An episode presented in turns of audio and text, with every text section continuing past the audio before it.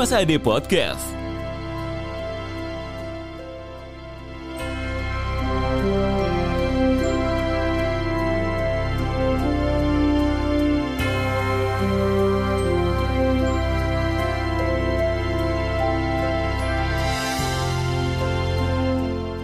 Go up and never stop.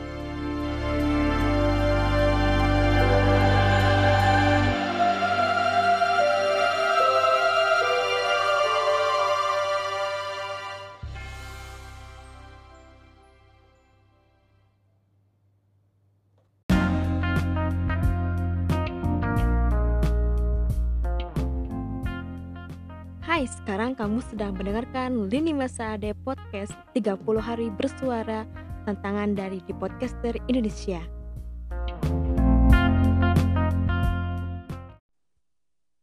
Assalamualaikum warahmatullahi wabarakatuh. Yeay, episode ke-30 Tantangan dari 30 Hari Bersuara. Udah gak kerasa sekarang 30 episode emang suatu pencapaian yang baik bagi diriku. Dan kamu pendengar suka yang mana nih? Episode kali ini tentang res resolusi. Kalau bicara resolusi, tiap tahun kita bikin resolusi itu kayak planning-planning dua misalkan resolusi satu tahun ke depan mau ngapain-ngapain aja dan ternyata tidak sesuai dengan harapan. Ada sebagian sesuai harapan dan ada tidak. Seperti tahun sekarang nih, misalkan planningnya mau pergi ke luar negeri, tapi nggak bisa karena ada COVID-19. Dan itu salah satu planning yang gagal, misalnya ya. Nah, ketika berbicara resolusi, kalau versiku sekarang kita udah tahu perencanaan manusia itu tidak akan pernah bisa 100% tercapai kalau bukan takdir Allah yang menentukan. Semuanya adalah kehendaknya.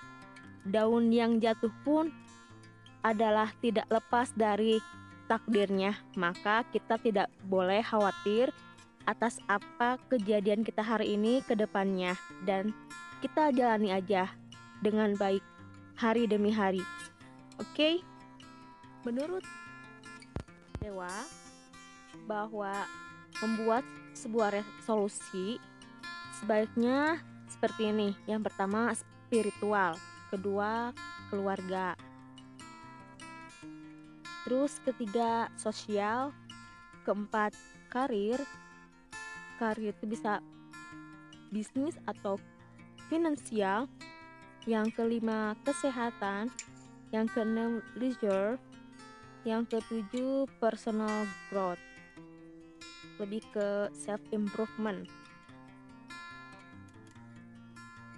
kalau para pendengar suka bikin resolusi per minggu, per bulan, apa per tahun?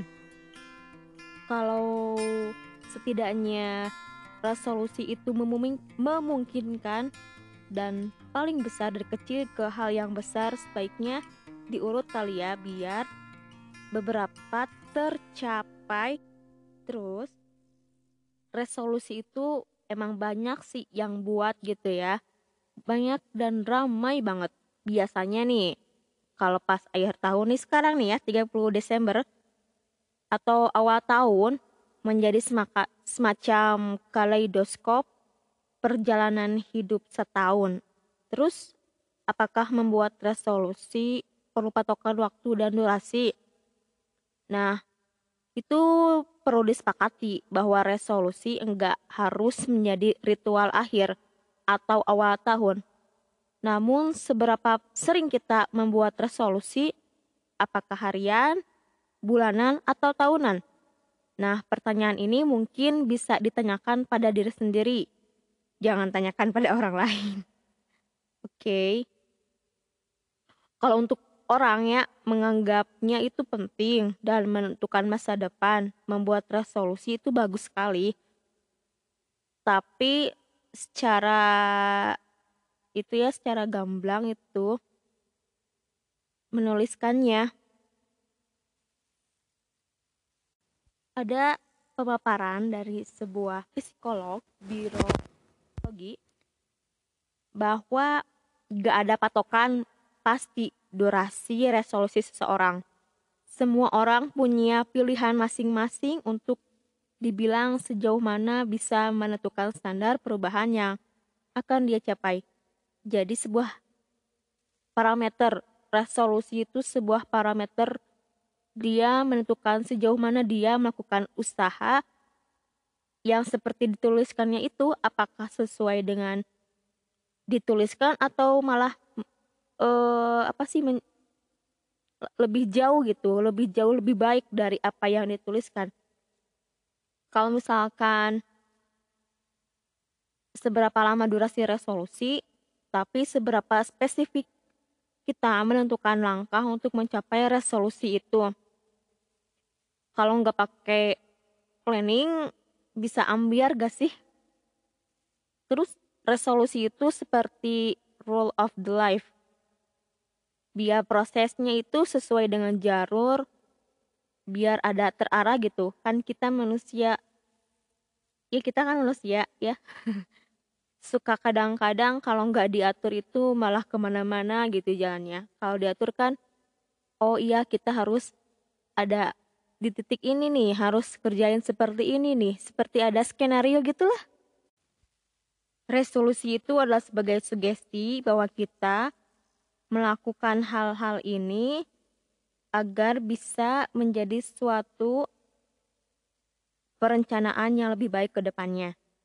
Emang semua orang sih setiap tahun baru itu adalah sebuah praktik untuk merenungkan diri, introspeksi diri, bermuhasabah diri, mawas diri bahwa selama apa yang dicapai atau ya apa yang dicapai setahun itu apakah naik naik atau turun dari tahun sebelumnya? Dan bagaimana seseorang meningkatkan kehidupan mereka di tahun yang mendatang? Yaitu resolusi gitu ya. Terus untuk mengubah perilaku mereka atau untuk mencapai suatu tujuan tertentu dan resolusi yang umum biasanya seputar makanan lebih sehat, terus ingin diet, terus naik badan, apa sih berat badan ingin turun, berhenti merokok misalkan, atau hal-hal yang seperti itu. Hal-hal seperti yang lebih dicintai. Awal tahun baru dimulai dengan Januari ia tidak memiliki perayaan atau tindakan ibadah tertentu untuk menyertainya. Namun, tindakan ini patut dipuji setiap saat sepanjang tahun untuk melakukan refleksi diri, merasa bangga dan bersyukur atas perbuatan baik kita dan mengakui di mana kita mungkin gagal dan memperbaiki diri untuk ke depannya. Untuk membuat resolusi pun, kita harus menunjukkan dengan tepat apa yang ingin kita capai, sehingga memudahkan untuk membuat rencana untuk mencapai tujuan-tujuannya. Ada beberapa hal yang perlu diingat ketika membuat resolusi. Yang pertama adalah niat. Segala sesuatu dikenakan dengan niat. Niat ini adalah hal yang terpenting untuk membuat resolusi, niat dan tindakan. Kalau cuman tulisan aja tapi tidak ada niat, ya sama saja gitu kan. Kalau niat itu adalah proses berpikir yang dimiliki orang dan tindakan adalah apa yang dilakukan secara fisik merupakan manifestasi dari pikiran. Ya, tadi sudah aku sebutkan ada resolusi itu adalah sebuah sugesti gitu. Sugesti dan dinyatakan dengan niat dan tindakan.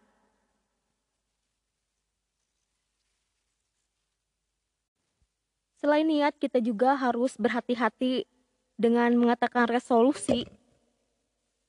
Jangan sampai kita menuliskan resolusi yang buruk memberikan sumpah serapah kepada seseorang. Itu tidak dibenarkan sih ya.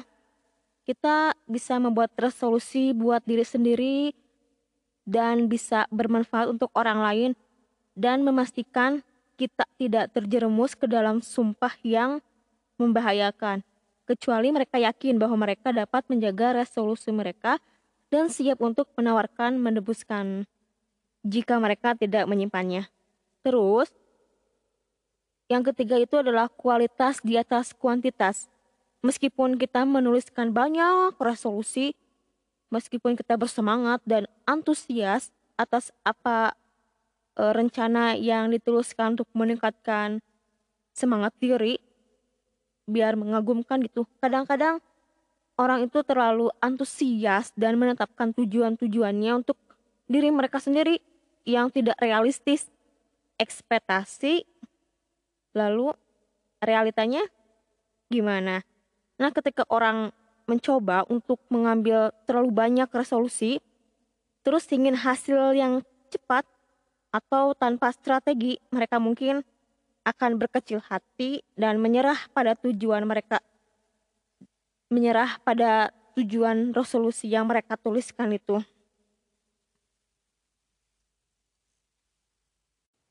Terus tujuan resolusi selanjutnya adalah lambat dan mantap dan menangkan balapan.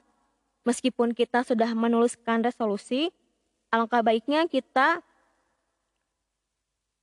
diniatkan dan selalu di dibarengi dengan tindakan. Nggak apa-apa sih, melakukan perubahan lebih baik lagi ke depannya. Secara perlahan yang penting kita bisa istiqomah dan tidak terlalu ingin cepat-cepat untuk menghasil untuk bisa mencapainya. Oke, segitu dulu ya para pendengar teman ini Mas Ade. Wassalamualaikum warahmatullahi wabarakatuh.